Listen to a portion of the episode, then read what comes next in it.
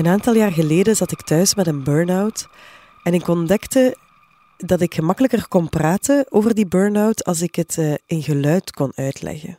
Ik heb daar toen ook een, uh, een uh, podcast rond gemaakt.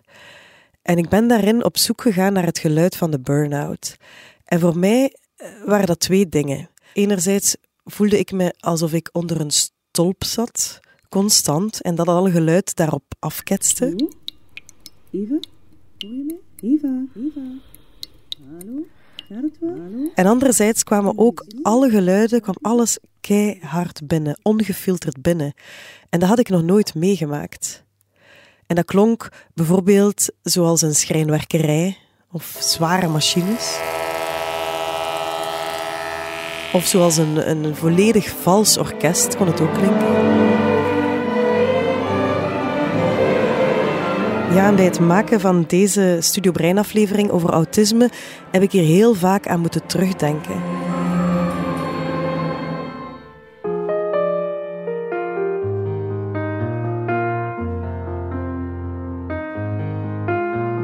Dit is Studio Brein, een podcast van Breinwijzer over de wondere wendingen van je hersenen. Met Eva Moeraert en Maaike Verstraten. Vandaag vertellen we niet het zoveelste verhaal over Rainman, maar we zoeken zoals in elke aflevering van Studio Brein vooral naar de voordelen van een brein bij iemand met autisme spectrumstoornis. Ja, een hele mond vol. En we gaan ook nog een stapje verder deze keer, want we zijn zelfs een inleefsessie gaan volgen om te ervaren hoe het is om autisme te hebben. En dat was niet evident, hè, Maaike? Echt niet. We zijn bijna naar buiten gelopen. Ja, straks meer daarover. Maar eerst focussen we op Elise. En Elise is een vrouw van begin de ze woont in Antwerpen en we starten ons gesprek aan haar planningsbord. Ja, ik, plan mijn week meestal um, op papier voor zo de uitgebreidere versie. Maar um, ik heb ook um, in mijn woonkamer hier een, een, whiteboard hangen. omdat ik het... Uh, ik heb dat echt nodig om mijn week visueel te kunnen zien en in één oogopslag te zien van wanneer heb ik een drukke dag of wat staat er mij ongeveer te wachten. Als hij bijvoorbeeld vraagt van, zet je die een dag vrij of dat soort dingen, dan moet ik niet gaan nadenken, dan zie ik dat direct voor mij. Dat, dat helpt wel.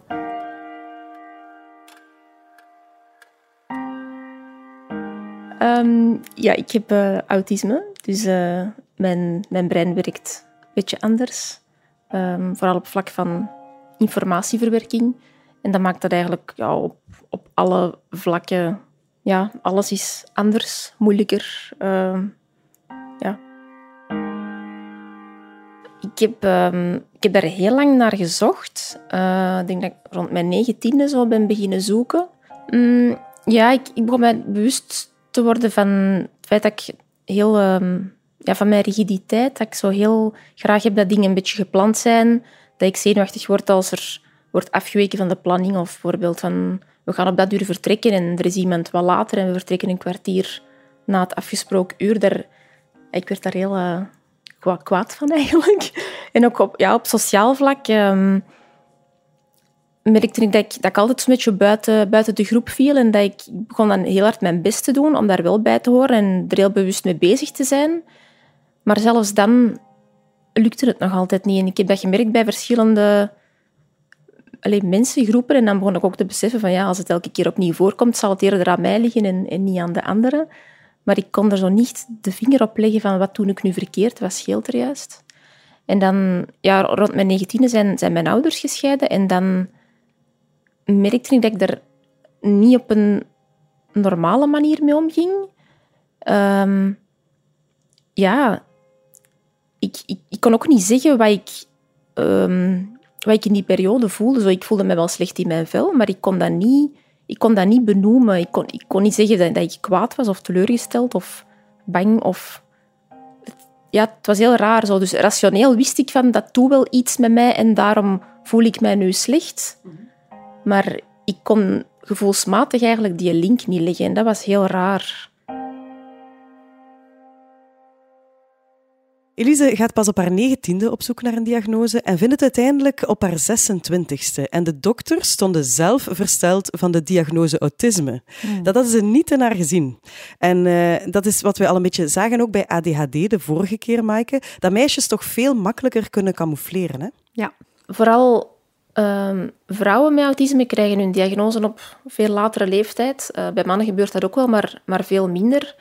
Um, vooral op sociaal vlak kunnen vrouwen heel goed, uh, ja, kunnen dat heel goed camoufleren. Zo. Ze kunnen heel goed andere mensen gaan observeren en kopieergedrag vertonen. En, ja, ze zijn zich ook veel meer bewust van hun sociale tekortkomingen. En er is denk ik ook gewoon vanuit de maatschappij veel meer druk op vrouwen om sociaal wenselijk over te komen. Zo van, van, zeker bij kinderen wordt er van jongens is dat wordt dat meer geaccepteerd die in een hoekje met hun speeltreinen aan het spelen zijn. En van meisjes is ze van, allee, zet u netjes, zet u recht, zeg eens goeiedag tegen de meneer. En zo, ja, dat, dat is gewoon anders. Dus ik denk dat, dat vrouwen zich daar op jonge leeftijd veel meer bewust van zijn en zich ook gewoon ja, meer leren aanpassen. Um, en ja, op andere vlakken um, denk ik dat het zo laat ontdekt is, omdat ik alles gewoon ja, deed wat, wat andere mensen doen of wat de maatschappij verwachtte. Ik heb gestudeerd, werken, zelfstandig wonen en zo. Maar um, ja, ik heb er al wat trucjes voor gevonden om er allemaal mee om te gaan. Maar dat zijn dingen die, die niemand ziet. Dus aan de oppervlakte leek ik heel goed mee te kunnen eigenlijk. Oké, ze kon het goed camoufleren, maar uiteindelijk liep ze er toch tegenaan, hè, tegen haar autisme. Maar wat gebeurt er nu juist in die hersenen van Elise eigenlijk? Ja, dat is zoals bij veel neurowetenschappelijk onderzoek nog een work in progress. En bovendien is er nog geen enkele verklaring die volledig sluitend is of definitief vaststaat. En dat is op zich niet slecht, want dat zegt ook iets over de ontwikkeling en de vooruitgang van hersenonderzoek en alle technologische nieuwe ontwikkelingen die er zijn. Maar ook deze keer, Eva, gingen wij te raden bij een expert om dat helemaal van naaldje tot draadje uitgelegd te krijgen, namelijk bij Kaat Allaerts. En zij is verbonden aan de Universiteit van Leuven en doet daar onderzoek naar autisme spectrumstoornis in het brein. Gedurende lange tijd is het eigenlijk heel moeilijk geweest om bepaalde consistente conclusies te trekken overheen verschillende onderzoeken. Um, zo is het nog altijd eigenlijk een zoektocht naar de bepaalde hersenregio die gevoelig zou zijn um, om autisme te diagnosticeren. Dus um, het is niet zo dat het één bepaalde hersenregio daar gaat zijn dat er, dat er een defect is, maar eerder overheen heel de hersenen. Ja, Maaike, het is dus onduidelijk waar in de hersenen juist autisme voor een verandering zorgt. Maar weten we dan wel wat er juist anders werkt in een brein? Een van de eerste veronderstellingen was bijvoorbeeld dat er bij mensen met autisme spectrumstoornis iets misloopt met hun spiegelneuronen. Uh, spiegel wat? Ja, dat betekent dat ze sociaal gedrag van anderen, dat je, waar ze naar kijken, niet goed spiegelen in hun eigen hersenen en daardoor dat gedrag ook niet goed kunnen interpreteren en daar dan niet gepast op reageren. Die hypothese is niet, niet dat die ontkracht is, maar die is ondertussen aangevuld met andere mogelijke verklaringen. Bijvoorbeeld dat er een probleem zou zijn met de waarneming, met een visueel netwerk, mhm. met dus het waarnemen van sociale prikkels, zoals gezichtsuitdrukking of oogbewegingen. En ook daarover hebben we Kaat Allaerts bevraagd. Waar dat het initiële kader het spiegelneuronensysteem was, dat is de zogenaamde broken mirror theory, hebben we eigenlijk kunnen aantonen dat waarschijnlijk niet het spiegelneuronensysteem per se defect is bij mensen met autisme, maar dat er eerder een hogere visuele regio die input geeft aan het spiegelneuronensysteem, die eigenlijk specifiek actief wordt bij het, het, het waarnemen van andere uh, van, van, van cues uit de omgeving die eigenlijk, ja, wat wij zeggen, biologisch relevant zijn. Zoals lichaamstaal, ogen, um, gelaatsuitdrukkingen. Dus deze cues, deze sociale cues, zullen eigenlijk die hogere visuele regio activeren. En we zien eigenlijk bij mensen met autisme dat, die dat er daar mogelijk een probleem zit. Dat die regio aan zich al niet geactiveerd wordt, dus ook geen input kan geven naar het spiegelneuronensysteem voor verdere verwerking. Maar waarschijnlijk stopt daar het verhaal ook niet. Dus dat het niet alleen die, visuele, die hogere visuele regio is, maar um, er is een interessante hypothese, uh, de Social Motivation Theory of Autism, dat er eigenlijk al een probleem is met het, het hechten aan uh, beloning van het waarnemen van sociale cues. En als men geen beloning ervaart bij het waarnemen van deze cues, zal er misschien ook een mindere interesse zijn voor die, die, die cues eigenlijk waar te nemen of, of te verwerken. Dus dit zou dan nog een stapje vroeger zijn in de cascade, waardoor dan misschien die hogere visuele regio ook niet die inputs preferentieel zal verwerken. Dus we kunnen ook een stap verder zetten. Als mensen met ASS minder beloning ervaren in hun brein bij sociaal contact, zou het kunnen dat ze daardoor minder sociale motivatie voelen, minder sociale contacten opzoeken en misschien dus al van bij de, de, de kindertijd, van in hun prille begin, minder sociaal contact ervaren en dat daardoor ook hun hersenen anders ontwikkelen. Ja, en wat Elise mij inderdaad ook vertelde, is dat sociaal contact van haar een heel grote inspanning vraagt. Ehm, sociaal contact is, is heel vermoeiend, omdat dat voor mij minder intuïtief verloopt, maar omdat ik overal echt actief over moet nadenken. Dus je bent zo constant... Ja, dat gaat zo minder eh, op automatische piloot. Het is, dat is echt een inspanning, eigenlijk.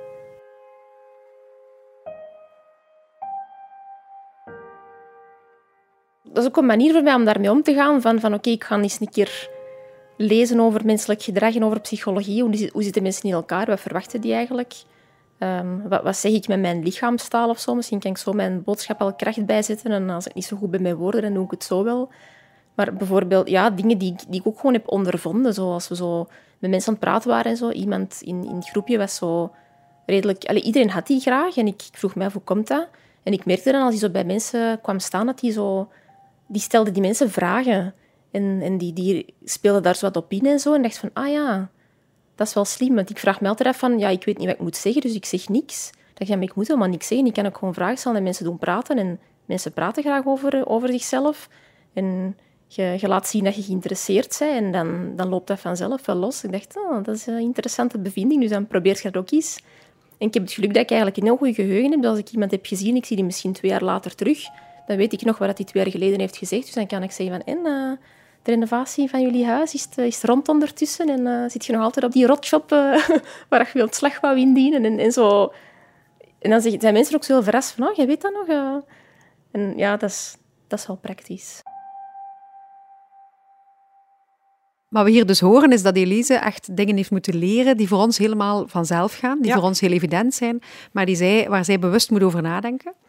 En de allernieuwste theorie over autisme gaat nog een stap verder. Die zegt namelijk dat er ook een groot deel stress is bij sociale prikkels, bij mensen met autisme spectrumstoornis, een stress die wij niet hebben. Ah ja. Dat komt namelijk omdat er bij ons, als wij in sociale interactie zijn, dan gaat er een bepaalde afstemming zijn in ons autonome zenuwstelsel. En die afstemming is heel fijn eh, bepaald en dat heet de ventrale staat. En die zorgt ervoor dat wij sociale toenadering voelen. Dus we willen ons, ons tot iemand richten of we zoeken die interacties meer op of we zijn blij van sociaal contact.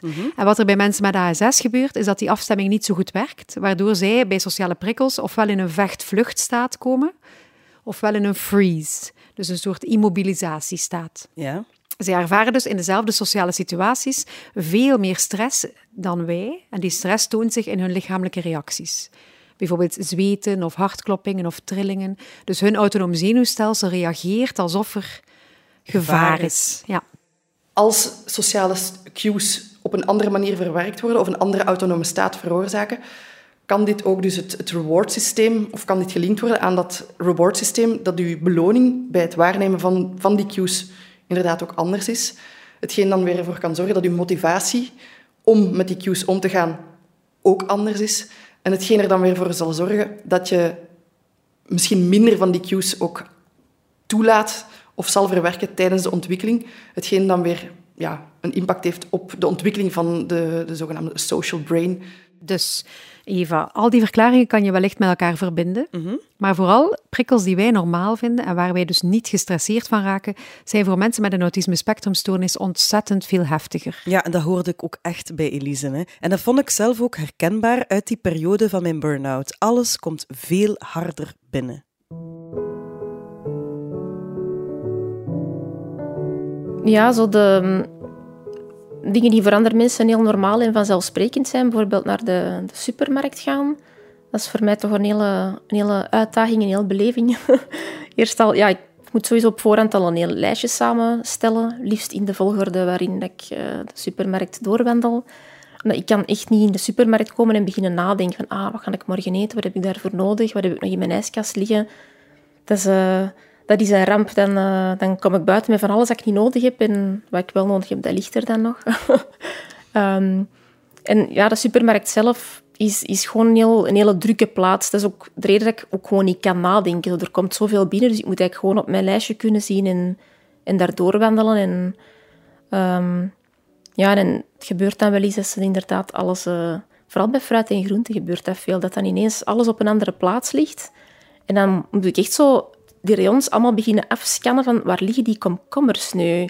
Die lagen vorige week nog hier en ineens zijn die weg. En ah, ja, heel lastig. Of, of dingen die, die uit de rekken verdwijnen en die nooit niet meer terugkomen, die ze gewoon ineens niet meer verkopen. Ook heel lastig.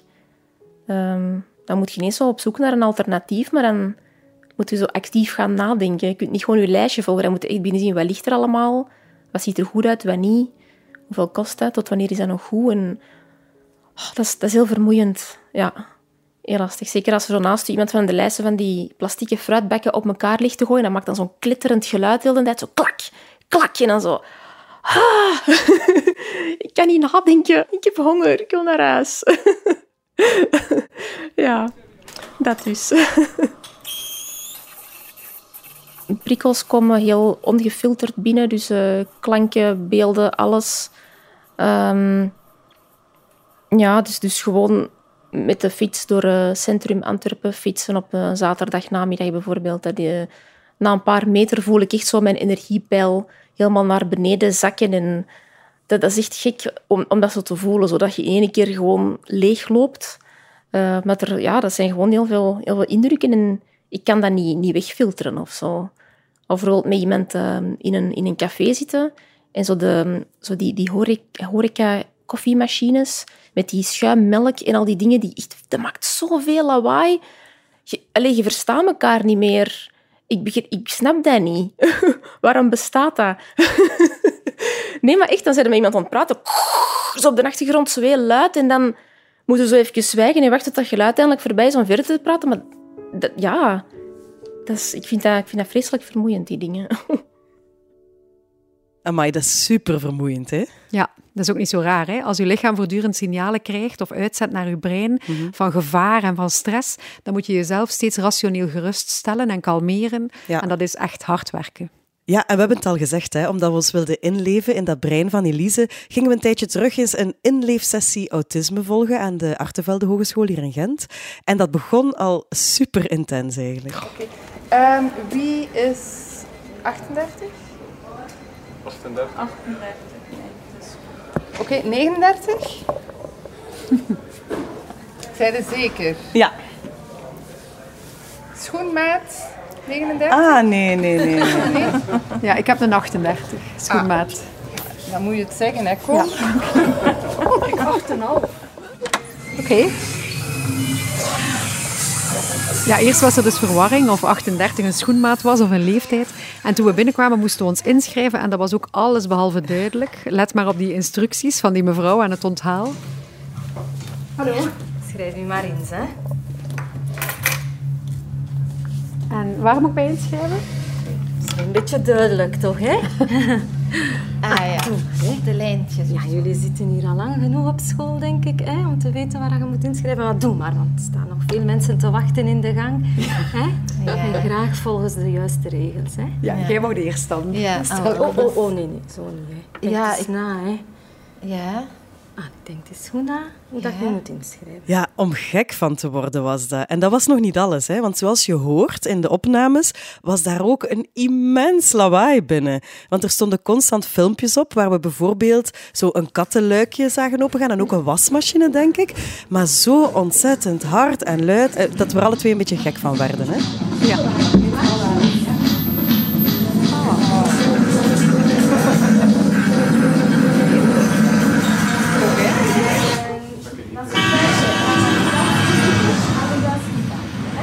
Kan trouwens op YouTube heel wat van die filmpjes terugvinden, hè? onder de term sensory overload en autism.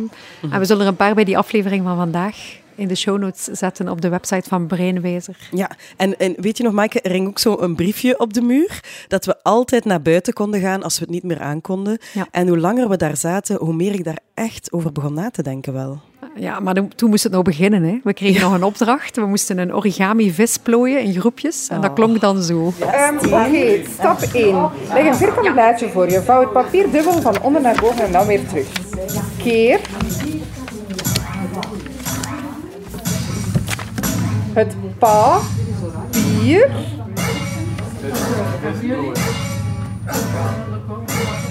Van links naar rechts. Vouw de punt links boven naar rechts onder en weer terug. Vouw het linker en rechterpunt iets naar binnen. Kip papieron van links naar rechts. Teken een oog om de vis. Ben je niet? Ik ook niet. Ik kan niet meer volgen. Een oog van een vis? Nog echter te ma. Ja, heel intens allemaal. En ook zo frustrerend dat dat was. Maar wat wilden die lieve dames van de inleefsessie hier nu eigenlijk mee bereiken, Maaike? Ja, weet je, het feit dat wij letterlijk overwogen om te vluchten, is Ja. natuurlijk het mooiste effect. Want dat toont helemaal hoe bij mensen met ASS die fight-flight-modus geactiveerd wordt op onhandige momenten. Dus op mo- momenten dat dat eigenlijk niet nodig is. Wat mij wel fascineerde, Eva, was dat er vooral luide geluiden waren en veel prikkels en niet zozeer sociale prikkels. Dus ik ben aan Kaat gaan vragen of dat ook klopt, dat dat ook bij luide geluiden op die manier werkt. Ik zou inderdaad, dat is nu grof gesteld natuurlijk, maar ik zou inderdaad wel durven aannemen dat bij het horen van die, die zeer luide prikkels eh, bij die ervaring, dat dit eerder de, de sympathische tak, dus die, die flight-fight-modus online brengt, eerder dan die ventrale va- vagale innervatie. En klopt het dan dat mensen die met autisme spectrumstoornis altijd dat soort overprikkeling ervaren Dat die- prikkels die wij normaal vinden? Inderdaad, dus bij, bij sociale cues of misschien andere, andere sensorische cues, dat die, dat die rapper die, die sympathische tak online hebben. Ja, die sympathische tak, dat is dus eigenlijk uw eh, automatische processen, uw hartslag die omhoog gaat, uw ademhaling die versnelt, het bloed dat naar uw spieren stroomt. En dat is uw reactie op stress. Eigenlijk is dat nog steeds hetzelfde als bij holbewoners, het vechten of het vluchten. En we zien nu dat er tegenwoordig helemaal andere stress is, maar ook vandaag is dat zo. Hè. Bij langdurige stress is die sympathische tak volledig overbelast. Ja, en kan je dat dan ook zeggen van, van mijn burn-out eigenlijk? Is het door de stress toen dat ik ook tijdelijk al die prikkels zo hard voelde binnenkomen? Hoe dat bij jou precies zat, weet ik niet, Eva. Maar we zien wel dat burn-out regelmatig wordt aangetoond bij mensen met een autisme spectrumstoornis. Zeker bij mensen die geen vroege diagnose hebben gekregen en dus heel lang overcompenseren. Die krijgen dan groot risico op een burn-out omdat ze uitgeput en opgebrand raken. Ja, dat snap ik volledig. En iemand die dat niet heeft meegemaakt, die kan dat eigenlijk heel moeilijk begrijpen, vind ik. In de inliefsessie kwamen we ook Anne-Katrien tegen. Die is docent op Artevelde Hogeschool, maar vooral ook moeder van een dochter met autisme spectrumstoornis. En achteraf vroeg ik haar wat deze sessie met haar deed. Ik vond het ehm, overweldigend eigenlijk. De- vooral het inleefgedeelte. Ik werd er een beetje zelf eh, fysiek onwel van. En triestig ook wel. Triestig? Ja. Ja, het idee dat mijn dochter de hele dag meemaakt eigenlijk. Maar ook wel herkenbaar. Ik vond het zeer herkenbaar. Hè. Dus ik zie ook de reactie die het bij mij opriep. Van eerst een beetje boos, maar ook zo om er geen zin meer. En ook denken, oh, wanneer stopt dat hier? Wanneer, wanneer is het gedaan? En dat merk ik bij haar ook heel vaak. Ja. Dat gevoel van, oh, ach, het moet gewoon allemaal stoppen. Ja. En, maar dat wist je eigenlijk al. Heb je nog iets nieuws bijgeleerd eigenlijk? Ehm, dat, dat zitten op die stoel heeft mij vrij eh, getriggerd. Dus ik ging zitten op dat kussen en dat was keihard. En dat, dat gaf me echt het gevoel dat ik niet welkom was. Dat was zo raar wat dat, dat triggerde. En dat denk ik dat zij soms ook heeft. eh, dat fysieke dingen of de manier waarop dat mensen kijken. Of, ik voelde me eigenlijk heel die sessie door niet op mijn gemak. Ja. Ik voelde me heel de tijd een stout kind. Dat niet begreep wat ik moest doen. Dat, dat niet goed bezig was. Dat rare dingen deed. En dat was wel maf om dat zelf te ervaren. Ik weet dat ergens rationeel wel dat zij vaak dat gevoel heeft. Maar vaak zeggen wij tegen haar van, maar dat is niet waar, je bent wel welkom. En nu denk ik van, oh nee, dat zou niet helpen als je dat zegt tegen mij, want dat voelt gewoon zo. Ja. Maar ja, wat kan je eraan veranderen? Eh, dat is een goede vraag. Ja, ik denk dat begrip sowieso veel verandert. Ik heb ook gemerkt dat toen dat die mensen plots in een andere rol gingen, dat ik die plots vriendelijk vond en lief vond, terwijl ik, dat ik in het begin echt al zoiets had van, oh, dat zijn geen toffe mensen. Ja. Dus ik denk de manier waarop dat je verhoudt, tot gelijk wie eigenlijk, daarom niet alleen tot mensen met autisme, maar gewoon tot gelijk wie, je openstellen, eerst gewoon je afvragen, wat zou het er allemaal kunnen zijn, hoe, voel, allee, hoe zouden mensen zich kunnen voelen, wat, dat dat belangrijk is. Gewoon je openstellen en, en vriendelijk zijn voor iedereen. Ja, en je voelt dat het echt superbelangrijk is dat je omgeving en je vrienden begrip hebben voor jouw situatie. Is ook bij Elise. Zij vond het eigenlijk wel heel spannend om te vertellen aan haar vrienden en collega's dat ze de diagnose autisme had gekregen. Ja, mensen waren heel verrast. Mensen zeiden van, oh, mij, Dat ik nooit aan u gezien. Of, uh, of zo, ah, ik wist dat niet. Ja, nee, ik wist dat ook niet.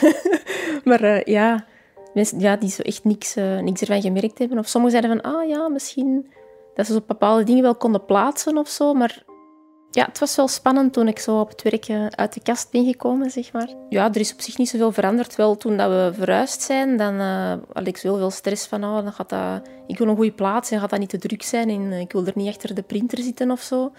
Maar ik had al vrij snel gezegd van, ik wil ergens daar zitten en, en iedereen van mijn team was er eigenlijk direct mee akkoord van, ah ja, Elise, ja, kiest jij maar eerst, we gaan ergens rustig zitten en de rest kiest zijn plaats daarna wel.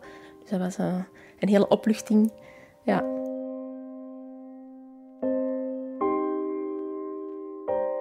Ja, de grootste verandering is dat ik, dat ik mij gewoon veel beter voel, eigenlijk. Ik heb mij heel lang uh, ja, heel eenzaam gevoeld en eigenlijk ook nogal somber. En dat is eigenlijk gewoon verdwenen.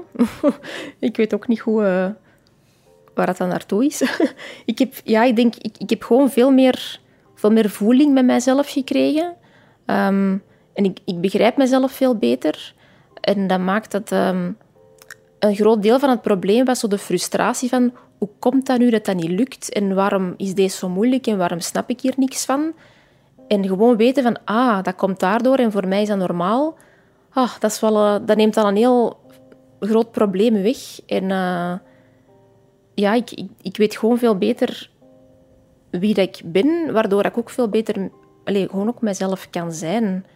En daardoor krijg ik ook meer, meer zelfvertrouwen en um, ik ben ook meer open en ik kan veel beter communiceren met mensen, terwijl ik vroeger veel geslotener was.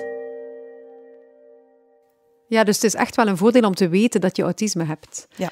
Bovendien ervaren mensen met autisme spectrumstoornis ook voordelen daaraan, of talenten die ze bij zichzelf daardoor ontdekken. En ook daar had Kaat Allaerts voor ons enkele voorbeelden van. Er is inderdaad wel vaak die, die, die aanname dat bij mensen met autisme, omdat ze sociale problemen hebben, ze misschien eigenlijk een soort van superpower ontwikkelen op een ander domein. En dit is zeker iets dat je ziet bij, bij, bij enkele mensen, maar dit is ook niet iets algemeen bij, bij mensen met autisme. Um, een, een voordeel dat ik eigenlijk wel opmerk bij mensen met autisme is dat zij ja, houden van helderheid en, en eerlijkheid in communicatie. Hetgeen voor hun dan vaak hun eigen manier van communiceren ook wel een beetje kleurt. En soms ook als, als, um, als niet positief ervaren worden, omdat ze heel direct kunnen zijn. Um, maar ik vind dat eigenlijk zelf toch wel een, een groot voordeel. Voilà, en Elise ziet sinds haar diagnose ook vooral de voordelen van dat bijzondere brein van haar. Ja, omdat mijn brein anders werkt, dat ik dingen ook anders bekijk. En dat kan bijvoorbeeld in een werkcontext wel heel nuttig zijn om verschillende breinen in een team samen te steken. Dan komt je automatisch tot creatievere ideeën en, andere oplossingen en zo. Um, ja, ik, ja, of als er een probleem is, dan, dan ga ik het altijd zo op een andere manier benaderen of op een andere manier oplossen. En dat kan soms ook over heel kleine, stomme dingen zijn. Maar ja, we zijn dus onlangs verhuisd met werk. En uh, we hebben van die glazen deuren en er was iemand tegen een deur gelopen. En we hadden niks van, van ijs of zo, want ja, we zaten er nog maar juist. En uh, ik zag in mijn vuilbak dat er zo een plastieke buisje zat, waar dat zo de antenne van de wifi had ingezeten. En ik ben er zo'n paar uit de vuilbakken gaan vissen. Ik heb die gevuld met water, dichtgeplakt en in de diepvriezer gelegd. En er zo icepack opgeschreven. En op die manier dacht ik, als er nog eens iemand zijn hoofd stoot, voilà, dat ligt klaar. Dat is zo, allee, ik zeg niet dat andere mensen daar niet zouden opkomen, maar dat heeft zo te maken met ja, autisme en zo, die contextblindheid. Dat heeft nadelen, maar dat heeft dus ook voordelen dat ik zo een stuk plastic niet alleen maar zie als verpakking, maar dat ik dat ook direct kan zien als iets anders eigenlijk. Ja, en zoals Elise het al prachtig zei, in elk team zou er iemand moeten zitten met ASS. Dat vertelt ze ook in haar boek. Hè. Ze heeft een boek geschreven, Anders gaat ook, heet het. Ik wou dat heel graag doen, omdat ik uh, weet dat er, allee, er zijn heel veel mensen die in mijn, in mijn situatie zitten. En ik, ik besefte ook, nadat ik mijn diagnose had gekregen, dat ik eigenlijk heel veel goede copingmechanismen heb ontwikkeld om, om toch redelijk goed te functioneren. En uh, ja, ik ben dan ook een blog begonnen dus uh, een boek was natuurlijk ook een goede manier om ja, zoveel mogelijk mensen daarmee te bereiken en te kunnen, ja, te kunnen verder helpen. En niet alleen die copingmechanismen, maar ook gewoon um, herkenbaarheid is heel belangrijk voor veel mensen. Dat merk ik nu. Dat ze zo gewoon een, verhaal kunnen lezen en zich daarin herkennen. Ehm, ja, dat, dat helpt om jezelf beter te begrijpen, maar ook omdat je omgeving je beter kan begrijpen. Want veel mensen zeggen dan van, ik ga die een boek laten lezen of zo. Uh, ja, en het is, eigenlijk ook een beetje het boek dat ik, dat ik graag zelf had willen lezen als ik mijn diagnose heb gekregen. Want ik heb, ik heb heel veel... Toen ik wist dat ik mijn diagnose had, van yes, nu kan ik eindelijk beginnen met mijn, uh, met mijn handleiding te lezen. Dus ik heb heel veel gezocht en gelezen. Ik heb heel veel geleerd, maar er ontbrak toch altijd iets. Zo, zo de, tips of zo, of, of, of, dingen waar ik, waar ik tegenaan liep en waar ik zo nergens iets over vond, zoals die vermoeidheid bijvoorbeeld. Ik dacht van, ja, maar dat, dat bestaat precies niet, dat staat nergens beschreven. En heel veel mensen die mij zo nu berichten sturen, dat ze heel dankbaar zijn voor dat hoofdstuk over vermoeidheid, omdat ze zeggen van, ik zoek al jaren naar iets daarover, ik vind niks. En nu allee, kan ik het eindelijk beter plaatsen en ook beter uitleggen aan andere mensen. Zo. Dus, uh... En ook naar dat boek van Elise Cordaro zullen we verwijzen in de show notes op de website van Breinwijzer. En voilà, dat is dan ineens ook het einde van deze Studio Brein. Ja, Niels de Keukelaar hielp ons weer bij het afmixen van de aflevering en de muziek werd geleverd door Sander Lambrecht en ook door Poddington Bear.